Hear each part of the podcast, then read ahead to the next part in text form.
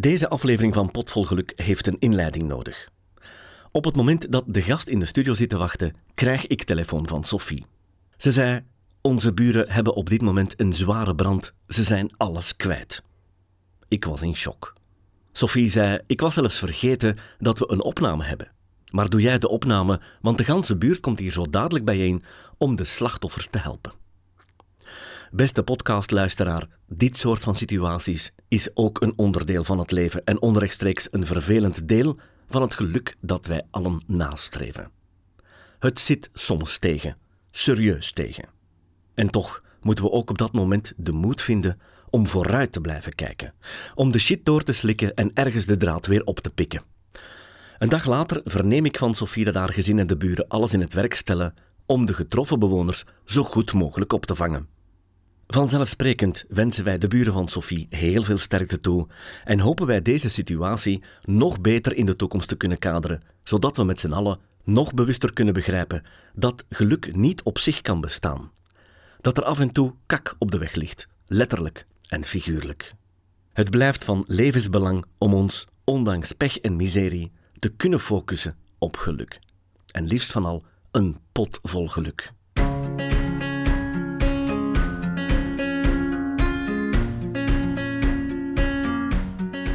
Dit is een inspiratiepodcast over de betekenis van geluk en hoe we het kunnen vinden. Via interviews met boeiende gasten bekijken we alle aspecten van geluk en zoeken we concrete tips om te kunnen toepassen. Welkom bij Potvol Geluk.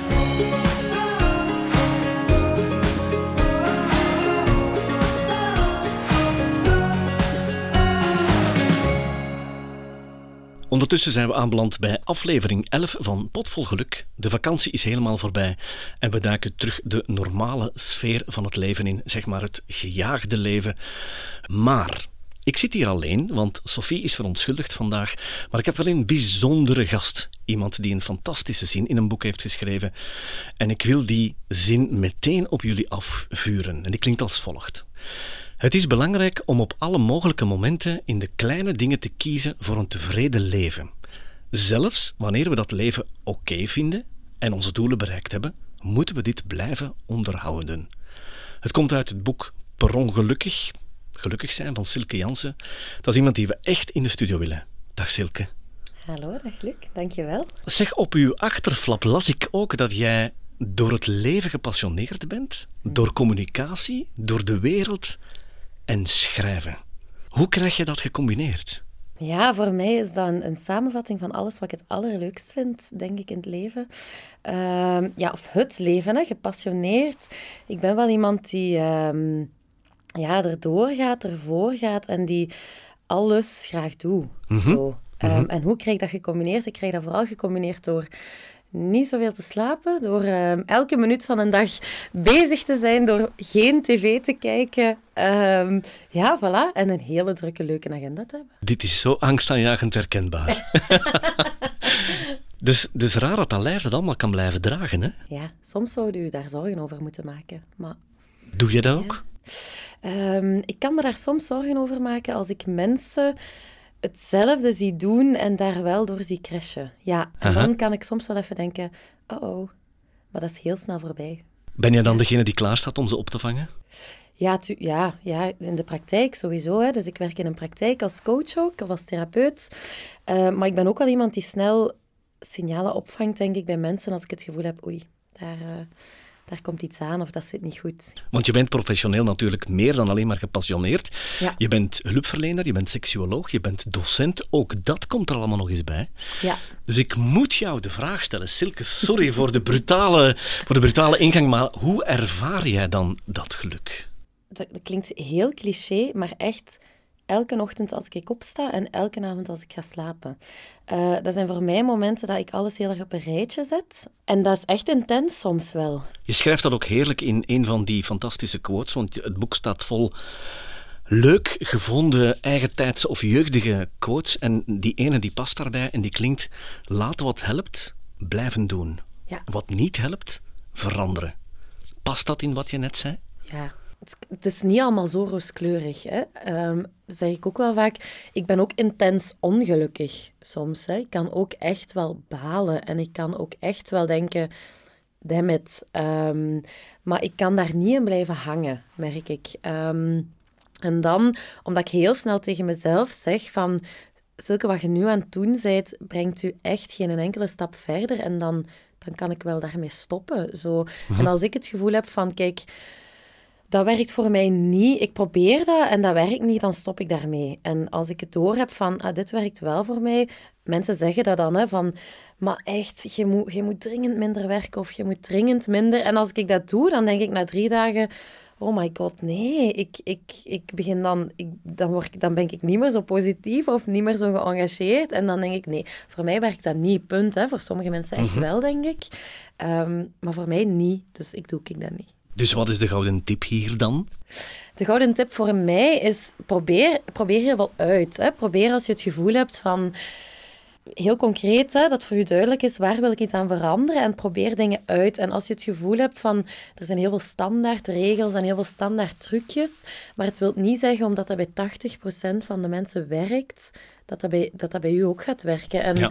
ja als je merkt van het werkt niet, stop daarmee. Mhm. En alle dingen waarvan je merkt dat werkt wel. Ja. Doe daar meer van. Dat las ik ook in jouw boek, dat jij schrijft, doe iets waarvan je nooit had gedacht dat je het zou gaan doen. Ja. Beleef er plezier aan en ga de uitdaging aan. Maar hoe kan je weten, ik ga iets doen wat ik nog nooit gedaan heb, hoe kan je op voorhand weten dat je het graag gaat doen? Ja, niet, denk ik. Er zijn ook heel veel dingen die ik geprobeerd heb waarvan ik achteraf dacht, ik ga, nee, nee, ik vind dat niet... Ik zou dat heel graag leuk willen vinden, maar ik vind dat niet leuk. Ja. Zo. Moeten we dan die zin niet uitbreiden en zeggen, blijf zoeken tot je iets vindt wat je leuk vindt? Ja, klopt. Ja, misschien wel. Aha, ja. oké.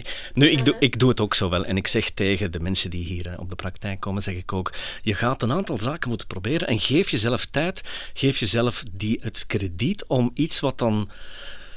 Wat je niet ligt, om dat dan te laten vallen en probeer het volgende dan. Want wij hebben nu gemakkelijk gepraat omdat we weten wat dat het, hoe dat het werkt. Klopt, ja. Maar heel veel mensen horen het donderen in Keulen. Hè? Ja. ja, maar heel veel mensen vergeten ook, dat moeten geen nieuwe dingen zijn. Als jij het gevoel hebt van, elke dag kom ik thuis en denk ik, nee, dan zit je gewoon elke dag al iets verkeerd aan het doen. En dan moet je geen nieuwe dingen zoeken, maar vooral al stoppen met, met wat je aan het doen bent. Mm Zo. Um, en dat zit hem in in, in kleine dingen. Dat zit hem in de manier waarop je met mensen omgaat, met welke mensen je omgaat, welke dingen je na het werk doet, welke dingen je in je middagpauze doet, welke dingen je doet als je naar het werk gaat. Ja, vooral eerst al eens kijken naar wat is er al en wat werkt daarin en wat werkt niet. Heeft het dan iets te maken met die drie zones in het functioneren waar je het ook over had? Want ik kreeg eens de commentaar dat iemand zei van ja, uit je comfortzone stappen, dat is zo cliché, dat heb ik al zo vaak gehoord en gelezen, mhm. maar dat is voor mij niet voldoende. Maar jij gaat wel een stuk verder in je boek. Ja, ik geloof er niet in, of ik ken heel weinig mensen die eigenlijk doorhebben wat hun comfortzone is. Mhm. En ik denk hè, van uit je comfortzone stappen, dat dat voor sommige mensen uh, heel bedreigend overkomt, hè, wat logisch is. Maar het is ook niet erg om soms in dikke paniek te zijn. Even, even terugspoelen, uit de comfortzone stappen. Mensen die het niet zo gemakkelijk hebben om dat te doen, wat moeten die dan precies doen? Wat betekent dat, uit de comfortzone stappen? Voor mij betekent dat, stel nu als jij morgen zou wakker worden en je zou voor een dag mogen kiezen wat je zou doen. Maar echt, maar echt totaal een droomwereld. Hè? Totaal droomwereld. Helemaal opschrijven. Hoe laat sta je op? Wat doe je dan? Wat eet je dan? Waar ga je naartoe? Met welke auto doe je dat? Of doe dat met openbaar vervoer? In welk land is dat? Dus, en dan gewoon blijven gaan, blijven schrijven of inspreken in je gsm voor mensen die niet graag schrijven. En daar uithalen van, oké, kijk, daar droom ik van, maar zit er ergens iets in wat ik eigenlijk morgen al zou kunnen doen? Ja. En dat is uit je comfortzone, want dat is iets wat je niet dagelijks doet. Is het dat wat stress geeft dan? denk het. ja, ja, ik denk het. En de reden waarom dat veel mensen het niet doen, neem ik aan. Ja. Maar ook omdat heel veel mensen het gevoel hebben van... dat is zo moeilijk. Of wat gaan de mensen zeggen? Of ik moet daar, ik moet daar wel geld voor hebben. Oh, maar je hebt gemakkelijk praten, omdat voor heel veel mensen uit de comfortzone stappen meteen een, een mega grote verandering is. Hè, of, een, of een mega... Terwijl dat moet niet, denk ik. Uit de comfortzone stappen kan ook zijn... Ik sta op een ander uur op als waar ik normaal op sta. Ah, ja. En ik, ik eet een ander ontbijt en ik ga joggen in plaats van voor een tv zitten. En ik... Allee, dat is ook uit de comfortzone stappen, want dat is iets anders doen als wat dat je elke week doe. Dat is bijvoorbeeld als je elke zondag bij je schoonouders moet gaan eten en je zit dat beu, dat je een keer durft zeggen, weet ik, kom niet. Dat is ook uit je comfortzone stappen, denk ik. Ja. Aha, Oké. Ja. Vind jij jezelf een grote durver? Oh, moeilijke vraag. Ja. Want heb je dat niet nodig om toch het lef te hebben om de comfortzone achter jou te laten en een aantal dingen te proberen waarvan je weet, beetje Pipi Langkous-strategie. ik heb het nog nooit gedaan, maar ik denk wel dat ik Maar ik het denk kan. wel dat het kan. Ja, Ja. ja. ik, ik, ik weet niet of ik een durver ben, maar ik ben wel heel impulsief. Ehm, dat heeft me heel vaak als kind niet veel opgebracht, denk ik. Ehm, maar ja, vandaag had ik het daar nog heel toevallig met een collega over. Ik doe heel vaak dingen waarvan ik denk een uur later... Shit, ik, ik had dat beter niet gedaan. Ja. Maar uiteindelijk is dat wel heel leuk geweest zo. Ja. En moet ik even op de blaren zitten, maar vind ik niet erg dan. Ja. ja, misschien past dat dan in die quote die je ook schreef. Als simpele duif is het leven een betere, Betere vuif. Ja. Geniaal. Dat vind ik geniaal gevonden. Als simpele duif is het leven een betere vuif. Mhm. Dat is het gewoon, hè? ja, voor mij wel. Ja. Terwijl wij toch, Silke, toegeven, wij allemaal zoeken naar dat geluk. En daar heb je wel een mooie definitie over, vind ik. Ja? Ja. nu ga je testen of ik het boek gelezen heb. Hè? Geluk is volgens jou een gevoel. Je kan dat niet kopen, zeg jij. Ja. Vertel. Eh, wacht, nu moet ik zorgen dat ik hier geen uur vol praat. Ehm, maar ik, ehm, als, ik, als ik de vraag stel, wanneer heb je het gevoel dat je de laatste, tijd, dat je de laatste keer echt gelukkig bent geweest? Hè? Ehm, mensen weten dat niet altijd. Dat, en dat is ook niet erg, denk ik. Want voor mij is gevoel waarschijnlijk iets anders dan voor u en iets anders dan voor, die, als voor de andere mensen. Maar ehm, ja, ik, ik geloof er wel in dat je dat niet rationeel kunt maken. Dus dat, ik heb er heel veel over gelezen.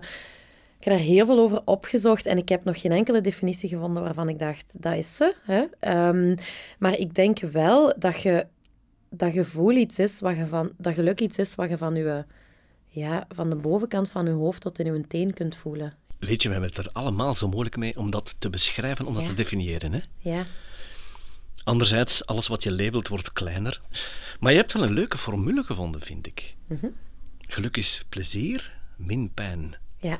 Kan je dat, kan je dat nader verklaren? Ja, voor mij is geluk, maar, maar dat is misschien heel persoonlijk. Hè?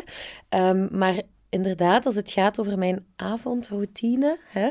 als ik s'avonds in mijn bed lig en kan denken van, weet je, dit zijn allemaal de dingen waar ik heel dankbaar was voor vandaag, wat, wat heel leuk was, wat goed was, wat voor mij heel aangenaam was, min alle dingen die ik niet oké vond die dag. En daar schiet een positief getal over, ja, dan, dan vind ik het dik oké. En dan vind ik wel dat ik mag zeggen, ik heb, ik heb echt een gelukkige dag en ik ben echt gelukkig. Ja, Hm? Reik je die formule ook aan anderen aan? ja zeker. Dat is wel iets waar ik echt de nadruk op leg. Ja. Ehm, heel veel mensen zijn vaak gelukkiger dan te denken. In de zin van... Ik heb dat nooit gehad. Ik denk ook omdat ik zo opgevoed ben. Maar ik leg absoluut nooit de nadruk op de, op de dingen die misgaan. En op de dingen... Nu, dat is ook niet altijd goed, hè, want ik hoor ook vaak... Jij overrelativeert zo, hè. Van, jij, jij durft de dingen niet zien die niet goed zijn of die niet leuk zijn. Waar, waar ik zeker soms mensen gelijk in kan geven. Maar ik ben er ook wel van overtuigd dat veel mensen die zeggen dat ze ongelukkig zijn of die, die niet content zijn of dat die een soort van tunnelvisie hebben waar dat ze ook vooral ja, de nadruk leggen op dat heeft die verkeerd gezegd en dat is misgegaan en ik heb daar pech gehad en ja, zo dat is, dat is ook gewoon een gewoonte, denk ik. Zo, door, door echt te leren voor jezelf heel bewust te letten op wat gaat er nu goed, wat, wat was tof, wat heb ik goed gedaan, wat heb ik geapprecieerd dat een ander heeft goed gedaan. Ehm, door daar meer uw nadruk op te leggen, gaat je wel contenter zijn, denk ik. Valt dat te rijmen met een druk, druk, druk leven? Ja, ik denk dat ik wel mag zeggen dat, dat ik gelukkig ben. Ehm, en ik heb een druk leven, dus volgens mij, volgens mij kan dat zeker wel samen. Ik, ik zou een ongelukkiger mens zijn met een rustig leven. En waarom? Ik heb veel stretchmomenten nodig. Ja. Eh, ik heb dat echt nodig, dat ik lichamelijk kan voelen... Wow, dit was leuk. Zo, hè? En, en dat is zeker niet voor iedereen zo. En dat is ook helemaal oké. Ehm, maar ik word wel gelukkiger van, ja, van momenten waarop ik voel van... Dit was echt leuk. Zo. En heb, dat, ik heb het nodig om daar veel ervaringen voor op te doen. Wat niet voor iedereen zo is, hè, zo. Ja, link je, dat, link je dat ja. dan aan, aan sport en beweging? Of is het echt voelen eh, wanneer je reflecteert na een bepaald moment? Je gaat ergens naartoe met, met, met weet ik wie en je reflecteert nadien en daar word je dan gelukkig van. Ik denk dat ik, het, dat ik het drukke leven zo leuk vind, omdat ik in mijn druk leven heel veel in, in interactie ben met anderen. Ehm, ik heb een heel intense job, vind ik. Coaching van mensen, ik, ik heb, dat is een intens contact. Dat is niet gewoon het hebben over welk weer is het vandaag. Hè. Ehm, ik zit in interactie met studenten die, die zorgen hebben, die vragen hebben, maar die ook heel ambitieus zijn, die dromen hebben. Ehm, dus ik zit eigenlijk continu daarin. En ja, dat is intens. Dat, dat brengt veel teweeg en dat doet automatisch, of ik vind tenminste, dat je dat pas goed kunt doen, de job waar ik in zit, als je zelf ook heel veel reflecteert. Dus ik sta ook heel vaak heel bewust stil met wat, bij wat gebeurt er in mij. Ja. Bij sporten, ehm, een beetje een haat-liefde relatie. Ah, ik kan daar heel gelukkig van worden achteraf, maar niet voor en tijdens. Ja. oké. En, en sport je vaak? Eh, ik probeer, dus ik heb een, een tijd heel goed gesport. Ehm, dat is heel ver naar beneden gegaan, maar ik probeer nu toch wel zeker drie keer per week te sporten. Ja. Is dat iets wat je dan moet plannen, dat je moet meepakken in het time management? Ja, en dat is het moeilijkste, denk ik, want ik ben niet, geen goede manager. Ik zal het zo zeggen, dat is altijd het eerste wat, wat ik oversla. Ik wou net zeggen, want de meeste mensen hebben, vinden excuses om niet te moeten sporten. Dat is ook bij jou zo dan. Ja, tuurlijk. En die reflectiemomenten die je hebt, dat gebeurt dan spontaan. Ja, voor Ja. mij gebeurt dat spontaan. Ja. Alhoewel ik er ook wel voor kan kiezen om in de auto bepaalde nummers op te zetten van muziek, waarvan ik weet, daar, daar denk ik bij. Soms heb ik dat wel nodig om, ja, om eens even goed stil te staan. Ja, en even te checken van, ik, wat, wat is er allemaal gebeurd? Ik schrijf, ik heb altijd een boekje in mijn tas zitten. Dat staat vol met losse kribbels, met wat ik voel, met wat ik denk. Maar mijn schriftje is vooral voor als het lastig is. Zo. Aha. Eh, ja, dus dan neem ik dat erbij, schrijf ik even op, om chaos even weg te halen, denk ik, in mijn hoofd. Terwijl dat de theorie net was dat we veel moeten opschrijven, s'avonds, wat we goed vonden, Ja, toch? klopt. Ja, ik sluit de dag wel zo, hè. En ik Ja, start de dag ook zo. Ja. Ja. Maar ik, ja, ik, ik wil ook niet zo te euforisch zijn van er gebeuren alleen maar dingen waar je dankbaar voor bent. Want dat, dat klopt ook niet. Dat is, niet, dat is niet waar, dus we moeten niemand iets wijsmaken. Nee, er gebeuren ook minder leuke dingen in het leven. ja, ja. Oké. En jij schrijft bewust in een hele jonge stijl ehm, iets waar voor op de vingers getikt worden als iemand anders het schrijft. Jij schrijft niet het is, jij schrijft TIS, jij schrijft TIS. En zo zit het boek vol woorden, maar hoe verder dat ik las in jouw boek, hoe, hoe meer ik het kon appreciëren. Dus ik houd wel van, je, van, van jouw schrijfstijl dus. Nu, ik plan wel om, om blogs te schrijven of Ah, ja. zo, die dingen. Korte dingen. ehm, Schreef je bewust in tien hoofdstukken dat eerste boek dat eh, per ongelukkig met de ondertitel Gelukkig zijn, want het zijn eigenlijk twee titels, hè? Ja, klopt. Ehm, ja, nee, ben ik bewust in tien stappen gaan schrijven? Nee, ik, ik had een inhoudstafel en dat waren toevallig tien dingen. En dan ben ik wel zo nieuwsgierig, want ik heb zo wel ergens zo een, eh, een, een kantje bijgeloof, zo. Hè? ja, en dan ben ik gaan kijken naar, naar het getal tien en dan dacht ik, oké, dat past wel. Het ene hoofdstuk is al wat groter dan het andere, Ja, hè? klopt. Ja. Jouw, jouw hoofdstuk 8 is heel uitgebreid, maar dat is jouw dada, hè? Je bent, Ja. ook, je bent ook seksuologe. Wat, is dat vandaag hip? Is dat in om seksuologe te zijn? Ehm, geen idee eigenlijk. Vraagt dat veel van jouw tijd? Ja, zeker wel. Ehm, toen ik dat ging studeren, was dat niet hip of in. En ik denk ook niet dat mijn ouders zo eh, blij waren toen ik thuis kwam van, ik weet het, hè, ik heb het gevonden.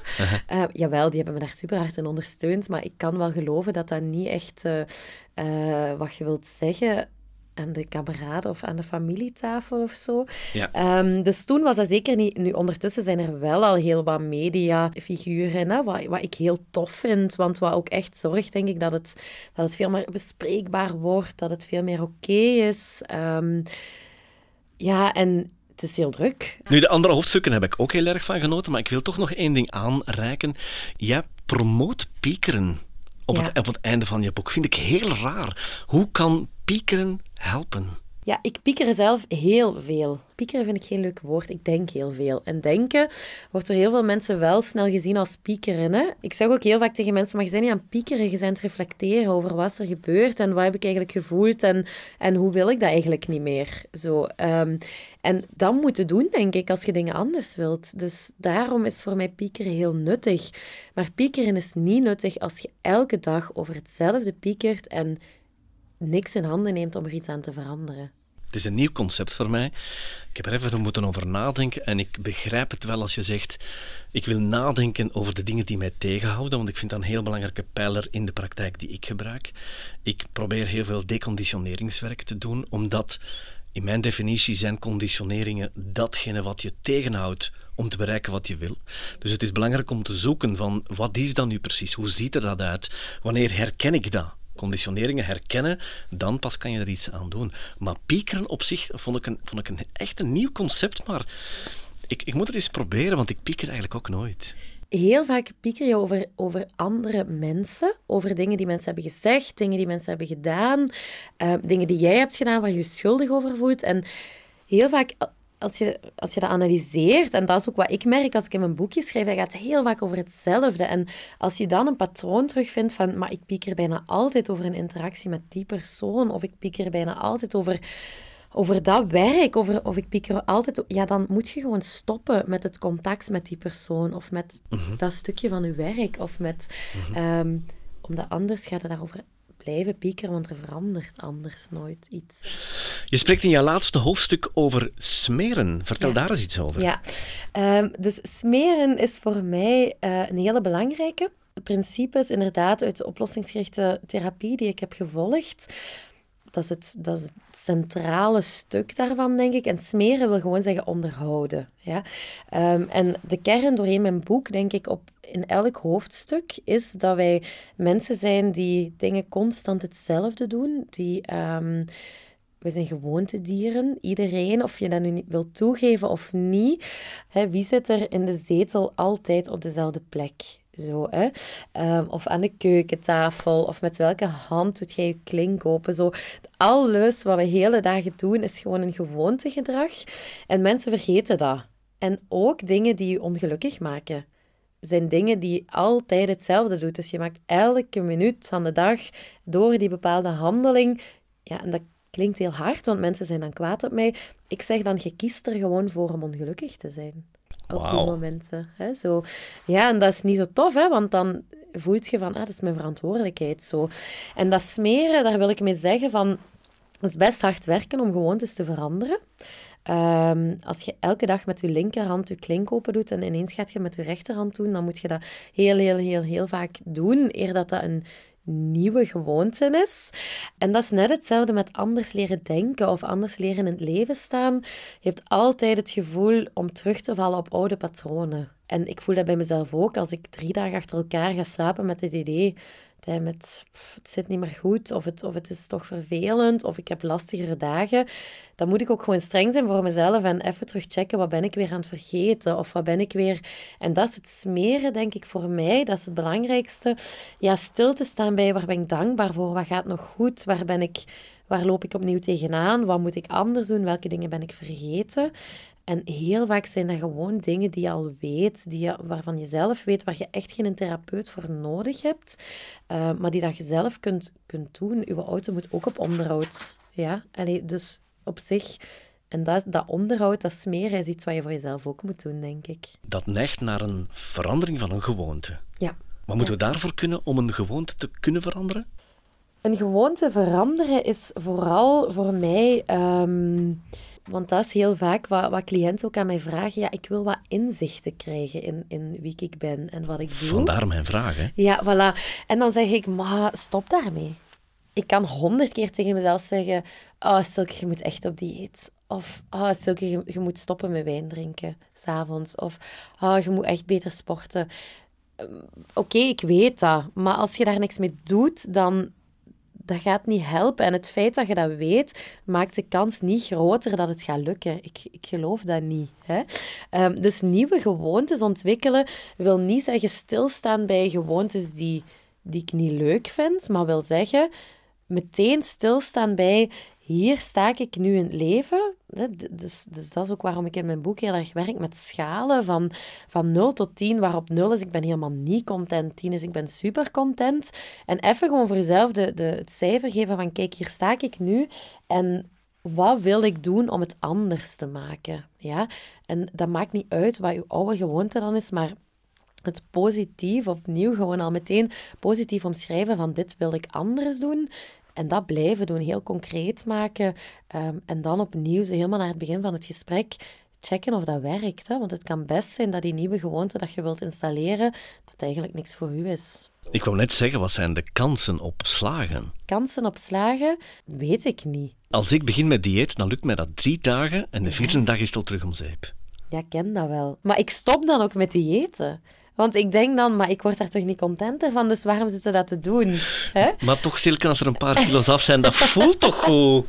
Heel veel mensen zeggen als ze gaan diëten, ik ga geen chips meer eten en ik ga geen alcohol meer drinken. En je zit constant te denken mhm. aan, oké, chips, chips, alcohol, alcohol stop, het is al mis, hè? Mhm. maar wel van, wat ga ik wel doen? Ik ga wel sporten, ik ga wel fruit eten. En dan is dat ook niet erg als je chips eet soms. Als je dat sporten toevoegt. Ja. Zo. Is dat een oplossingsgerichte praktijk? Dat is een oplossingsgerichte Maar kijk eens aan, ik heb het licht gezien. ik heb het licht gezien. Ja. ja. Nee, er komt toch een, een stevige dosis volharding bij kijken. Echt uitmaken wat je wil, waar je naartoe wil. Je kan toch mogelijk in een, in een vingerknip zeggen, ik ga dit veranderen. Het lukt wel, hè. Mhm. Maar ik weet uit mijn eigen ervaring dat er meer voor nodig is om iets te laten slagen, toch? Een goede coach misschien? Sommige mensen willen ook veel veranderen, omdat het beter bij de maatschappij of bij, de, bij, bij, een, bij een groep of bij een sociale connectie past. En dat zijn vaak dingen waar ik mensen niet zie slagen om het te veranderen. Mhm. Terwijl ik erin geloof, als je als je het zelf belangrijk genoeg vindt, is er echt niet veel nodig om, om te proberen. Ja. En als mijn ego het belangrijk genoeg vindt? Of is dat een ander terrein? Nee, dat, dat is het allerbelangrijkste. ah ja, oké. Ja. Want het gewicht is niet mijn probleem, het is vooral die gevaarlijke BMI die, die het probleem is. Ja. Op het moment dat er een 3 voor staat, dan gaan er alarmen af in mijn hoofd. Ja, maar je merkt toch, Luc, als, je, als mensen tegen je zeggen: zeg, je bent wel dik aan het worden dan ga je dat zeker niet doen. Ik hoor altijd het omgekeerde van, ja, maar dat is toch zo erg niet? Voor een man mag dat toch? Een man mag toch een buiksken hebben? Ja ik, ik, ja, ik heb daar geen verhaal tegen, maar ik, dat voelt niet oké. En als er dan een paar kilo's afgaan, dan ben ik weer vier, maar dan wordt dat weer zo snel gelost. Maar goed, dit is geen dieetpodcast, dit is een podcast over geluk. Ja. Voorlaatste vraag. Ja. Als we iets kunnen veranderen aan onze toekomst, Waar droom jij van? Wow, confronterende vraag. Aha, daarom heb ik die gespaard. bijna helemaal op het einde. Waar droom ik van? Ik moet eerlijk zeggen, ik droom bijna elke dag over iets anders. Heb je dan een top 10 van de bucketlist? Ja, tuurlijk. Ja. Nu, wat ik nog even misschien over dromen. Hè. Ehm, ja, ik zie ook veel mensen die zeggen, dammit, mijn droom is bereikt. Of dammit, dat was mijn droom en nu niet meer. Zo. Maar dromen kunnen elke dag voor mij veranderen. Voor mij is dat ook zo. Ik kan heel snel heel enthousiast zijn over dingen en dan denk ik, ja, dat is mijn droom. En de volgende dag iedereen lacht er ook mee. Ik heb elke week een nieuw lievelingslied. Zo, omdat ik dan zo daar weer opspring en denk, yes, dat is mijn lievelingslied. Maar ik heb wel algemene dromen zo in mijn leven. En ehm, mijn mama lachte me daar vroeger altijd heel hard mee uit. Um, ik zei vroeger altijd, maar ik ga later in een stad wonen en ik ga een heerhuis verbouwen en ik ga ooit een boek schrijven en ik ga ooit... En dan, dan mama is zo de helemaal rationele kant, dus het is een heel groot tegengewicht voor mij. En die zei dan, hm, hm. en die draaide eens met haar ogen aan de keukentafel. Ehm, dus ik heb wel voor mezelf, ik ben best fier, ik heb wel wat dromen die ik had bereikt. Ik heb gestudeerd, iets wat ik super leuk vind. Ehm, maar ik heb wel nog dromen professioneel. Ik, ben, ik wil met mijn, mijn seksuologie-stuk nog wel heel wat doen. Ik wil nog wel heel wat ja, nog professioneel geweest nog heel wat uitbouwen. Ik heb dromen als in, ik wil heel graag ooit in een ander land wonen. Ehm, ik wil nog wel een paar nieuwe sporten leren. Ik wil nog ooit paarden in mijn tuin hebben rondlopen. Ik wil nog heel veel werelddelen ontdekken. Ik wil nog heel veel dingen met mijn vrienden doen. Ik, ja. Maar nu kom je helemaal op mijn terrein eigenlijk. Ik heb een oplossing voor jouw reeds bereikte dromen. Ik eh, startte midden corona start ik ook met, met, een, met een nieuwe bucketlist. Maar ik ben een vijftiger, dus ik heb al een aantal dingen gerealiseerd, mogen realiseren. En ik dacht, ja, ik ga toch aan die 100 geraken. Ik wil een bucketlist van 100 zaken, van zaken die ik echt wil. In de zin van, ik wil het niet allemaal tegelijk. Nee, maar als ooit de kans op mijn pad verschijnt, dan ga ik het mij herinneren en dan ga ik die kans grijpen. Mhm. Dus het universum heeft 100 mogelijkheden om mij gelukkig te maken. Elke dag opnieuw. Ja, dat, is, dat is een mooi uitgangspunt. Ja, Hè? toch hè? Hoe, hoe meer je droomt, dat is mijn idee, hoe meer je droomt, hoe meer kansen er zijn dat het toch jouw pad kruist zonder dat je daarnaar op zoek bent. Want je kan maanden en jaren sparen om die reis naar dat verre continent te maken, maar dan laat je al die andere dromen los. Dus hoe meer je droomt, alles wordt toch in beweging gezegd. Ik geloof niet in de formule kiezen is verliezen. Daar heb ik een bloedhekel aan. Dat is niet waar. klopt, niet staat waar. ook in mijn boek. Staat ook in mijn boek. Maar ik heb ook een eh, andere lijst gestart en dat is de lijst met successen. Dus er zijn een aantal zaken waar ik van persoonlijk vind, hier ben ik fier op, dit heb ik bereikt. Ik ben alleen nog niet aan 100. Ik ben ergens halverwege ben ik geraakt. Die bucketlist van 100 is afgeraakt, maar die lijst van successen nog niet. Nee. Mijn allerlaatste vraag. Ik, uh, ik geef jou zo dadelijk een papier en een stift en ik zou jou willen vragen om een symbool te tekenen dat voor jou het geluk representeert. Het zou fijn zijn dat je ons vertelt wat je aan het tekenen bent. Wat ik aan het tekenen ben? Ik ga een maan tekenen. Ja, voilà. Uh, en ik kan eigenlijk kiezen, ik ze vol of ik ze half? Uh, voor mij is geluk de maan als in... Soms zie je daar een heel klein stukje van. Soms zie je die volledig. Soms schijnt die feller, soms... Maar dat is er wel altijd. Ja?